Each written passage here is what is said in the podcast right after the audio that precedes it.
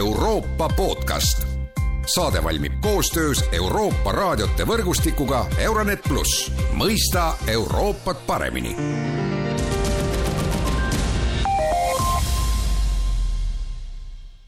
tere ja tere kuulama Euroopa podcasti. eelmisel nädalal võtsid Euroopa Liidu liidrid Versailles vastu Ukrainat toetava avalduse ning lisasid ka Ukrainale antava raha hulka.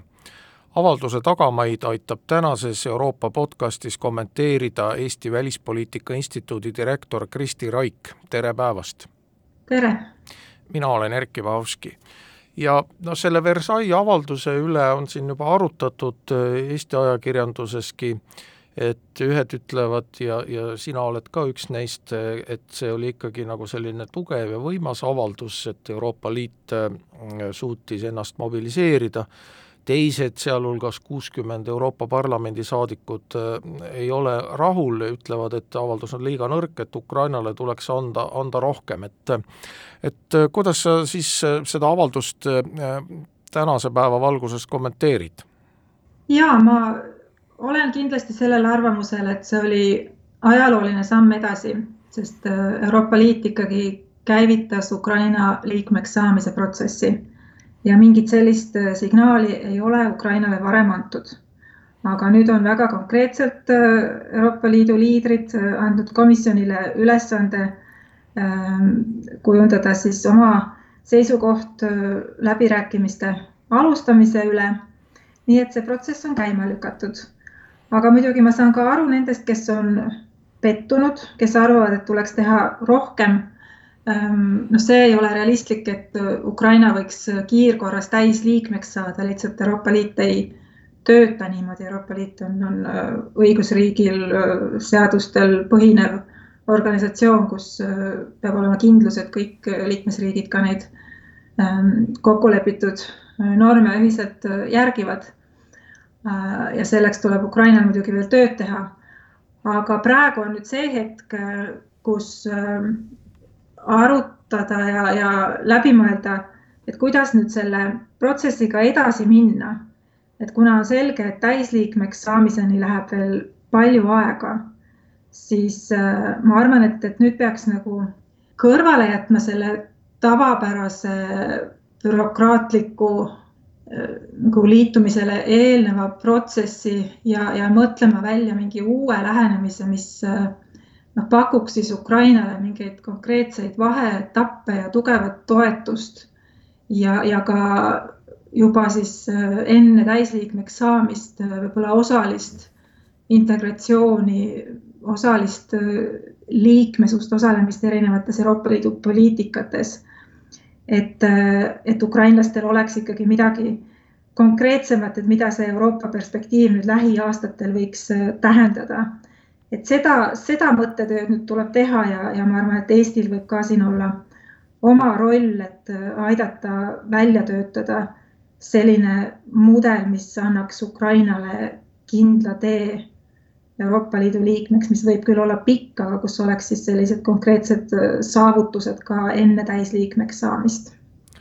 No, no just, et Euroopa Liit on ju tegelikult näidanud, et kriisiolukordades suudab äh,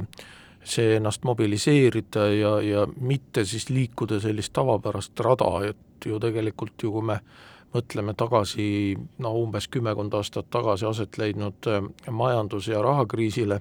siis me näeme, et Euroopa Liit leiutas igasuguseid uusi vahendeid, et selle kriisiga toime tulla ja lõpuks tuldigi, et noh, et kas mingisugust samasugust protsessi võiks eeldada ka äh, Ukrainaga liitumise puhul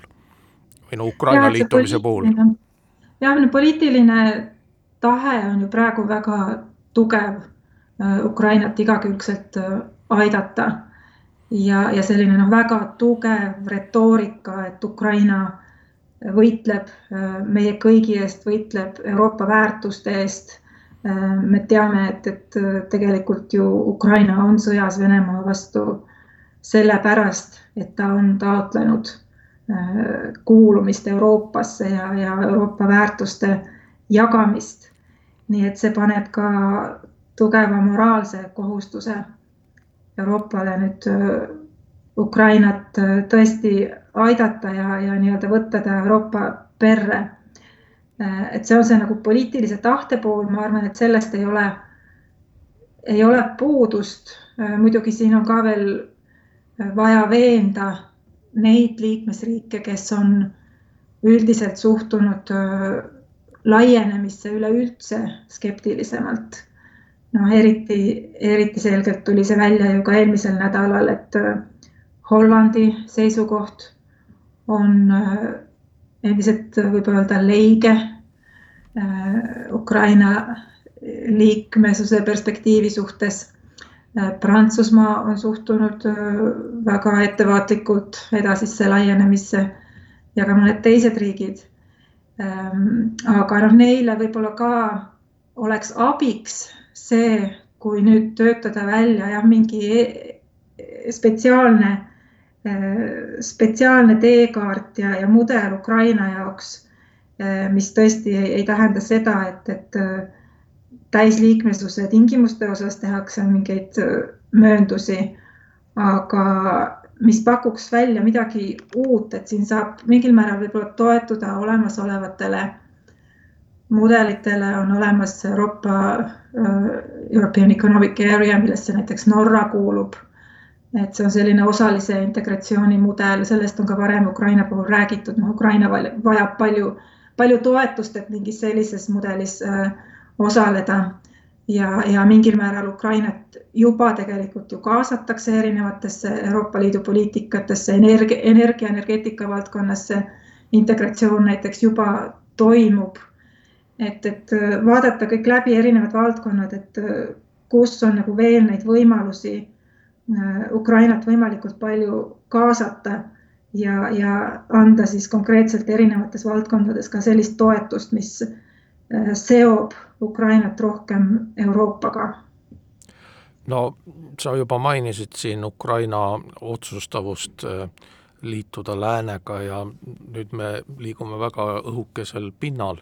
ja libedal jääl kolmapäeval tulid välja siis Financial Timesi vahendusel võimaliku Ukraina-Venemaa rahuplaani osad ja üks äh, nendest punktidest oli siis see, et Ukraina Äh, lõpetab siis oma NATO taotluse, jääb selliseks riigiks nagu Austria või Rootsi ehk neutraalseks, aga mida siis võiks Venemaa arvata Ukraina võimalikkuse, võimalikust Euroopa Liidu liikmesusest, sest noh, tegelikult ju põhimõtteliselt Euroopa Liit ei ole ju ka neutraalne, et Austria ja Rootsi kuuluvad ka Euroopa Liitu, ka Soome millegipärast sellest punktidest jäi üldse Soome välja ja noh, ma meenutan ja sina tead seda minust paremini, et et kui Soome liitus Euroopa Liiduga, siis oli ju suur küsimus, et kuidas muutub Soome julgeoleku- ja kaitsepoliitika, sest Euroopa Liidul on see sõjaline dimensioon ja see on aastatega tugevnenud, see ei ole kindlasti NATO, aga, aga need vastavad punktid on olemas, et et mis sa pakud, et mis, kuidas see Ukraina Euroopa Liidu perspektiiv võiks Moskvale paista? No seda me ju teame väga hästi, et Venemaa on soovinud takistada Ukraina integreerumise Euroopasse.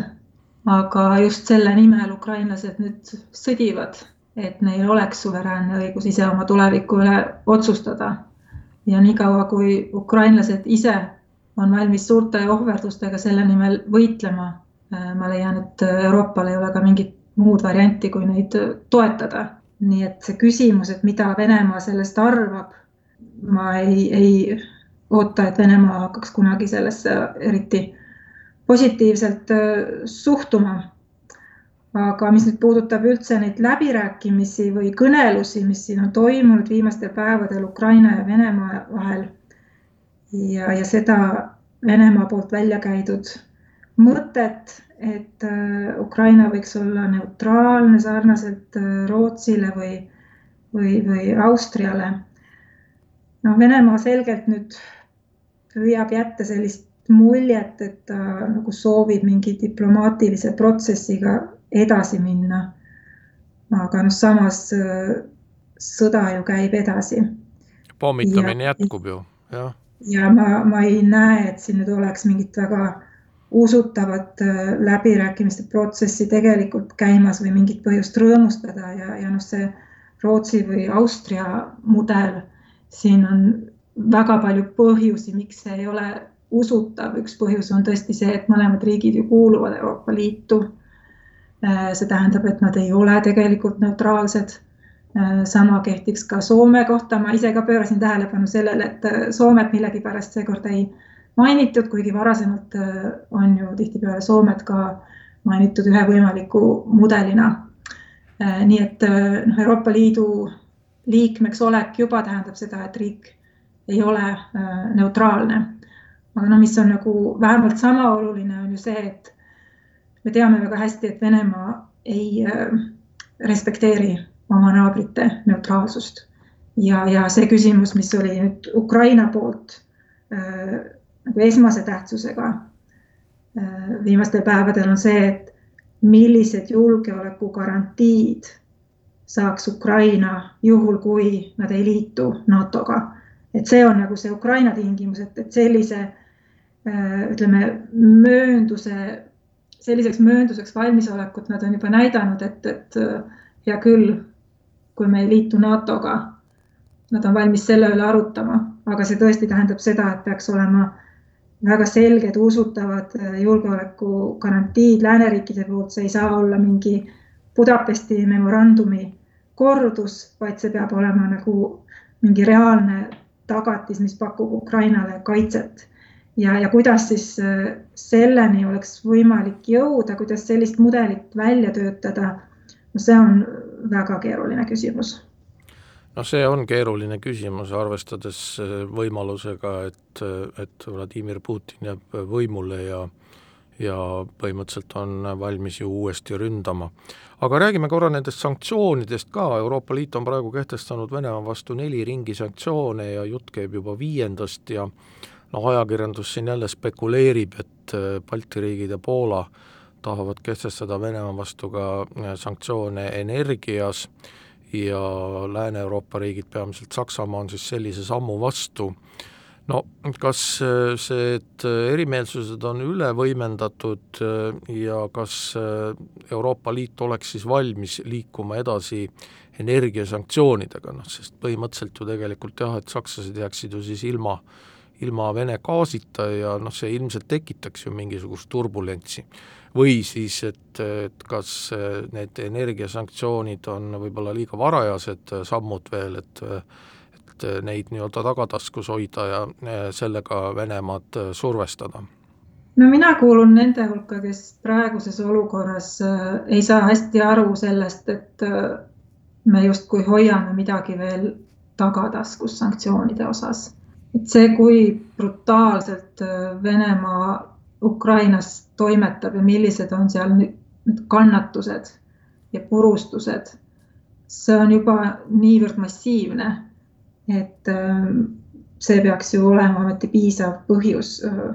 võimalikult karmid sanktsioonid kehtestada. et no millest ma nagu rohkem saan aru, on, on Saksamaa mure oma energiavarustuse pärast Äh, ja, ja noh, väga nagu äh, selles mõttes nagu piinlik olukord praegu Saksamaa jaoks, et noh, nüüd nad on sunnitud tunnistama, et, et nad on üles ehitanud sellist äh, sõltuvuse mudelit Venemaast, mis on aidanud Venemaal saada tugevamaks ja, ja mis praegu rahastab Venemaa poolset sõjapidamist. Ja, ja mingit sellist väga kiiret väljapääsu sellest olukorrast äh, ei ole sellisel kujul, mis ei oleks siis nagu väga valusate tagajärgedega äh, sakslastele. aga see on ilmselt valdkond, kus liigutakse edasi ettevaatlikumalt. see ei toimu nüüd nii kiiresti, aga ma usun, et ka siin tegelikult see poliitiline arusaam on nüüd väga tugev Euroopas. et äh, Euroopa peab saama lahti oma sõltuvusest äh, Venemaa energiaallikatest. Äh, lihtsalt see ei saa toimuda üleöö, aga selle nimel tehakse tööd ja see ei ole ju tegelikult pikemas perspektiivis üldse mitte võimatu.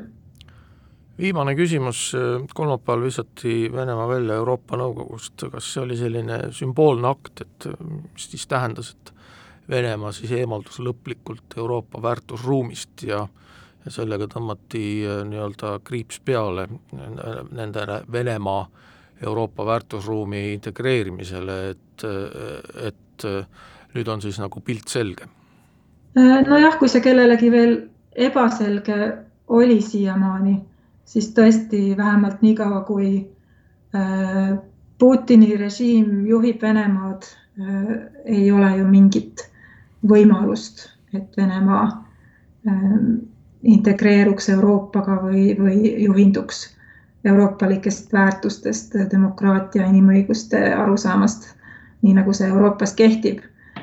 Äh, nii et selles osas jah, nüüd äh, tekkis äh, suurem selgus ja, ja üleüldse nagu sellel sõjal on nüüd see tagajärg, et ütleme, need koostööstruktuurid, mida oli veel püütud säilitada Euroopas, mis hõlmasid ka Venemaad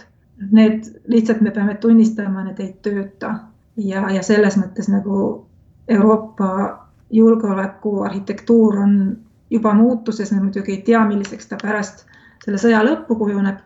aga noh, juba on nagu selge, et need nagu lääne organisatsioonid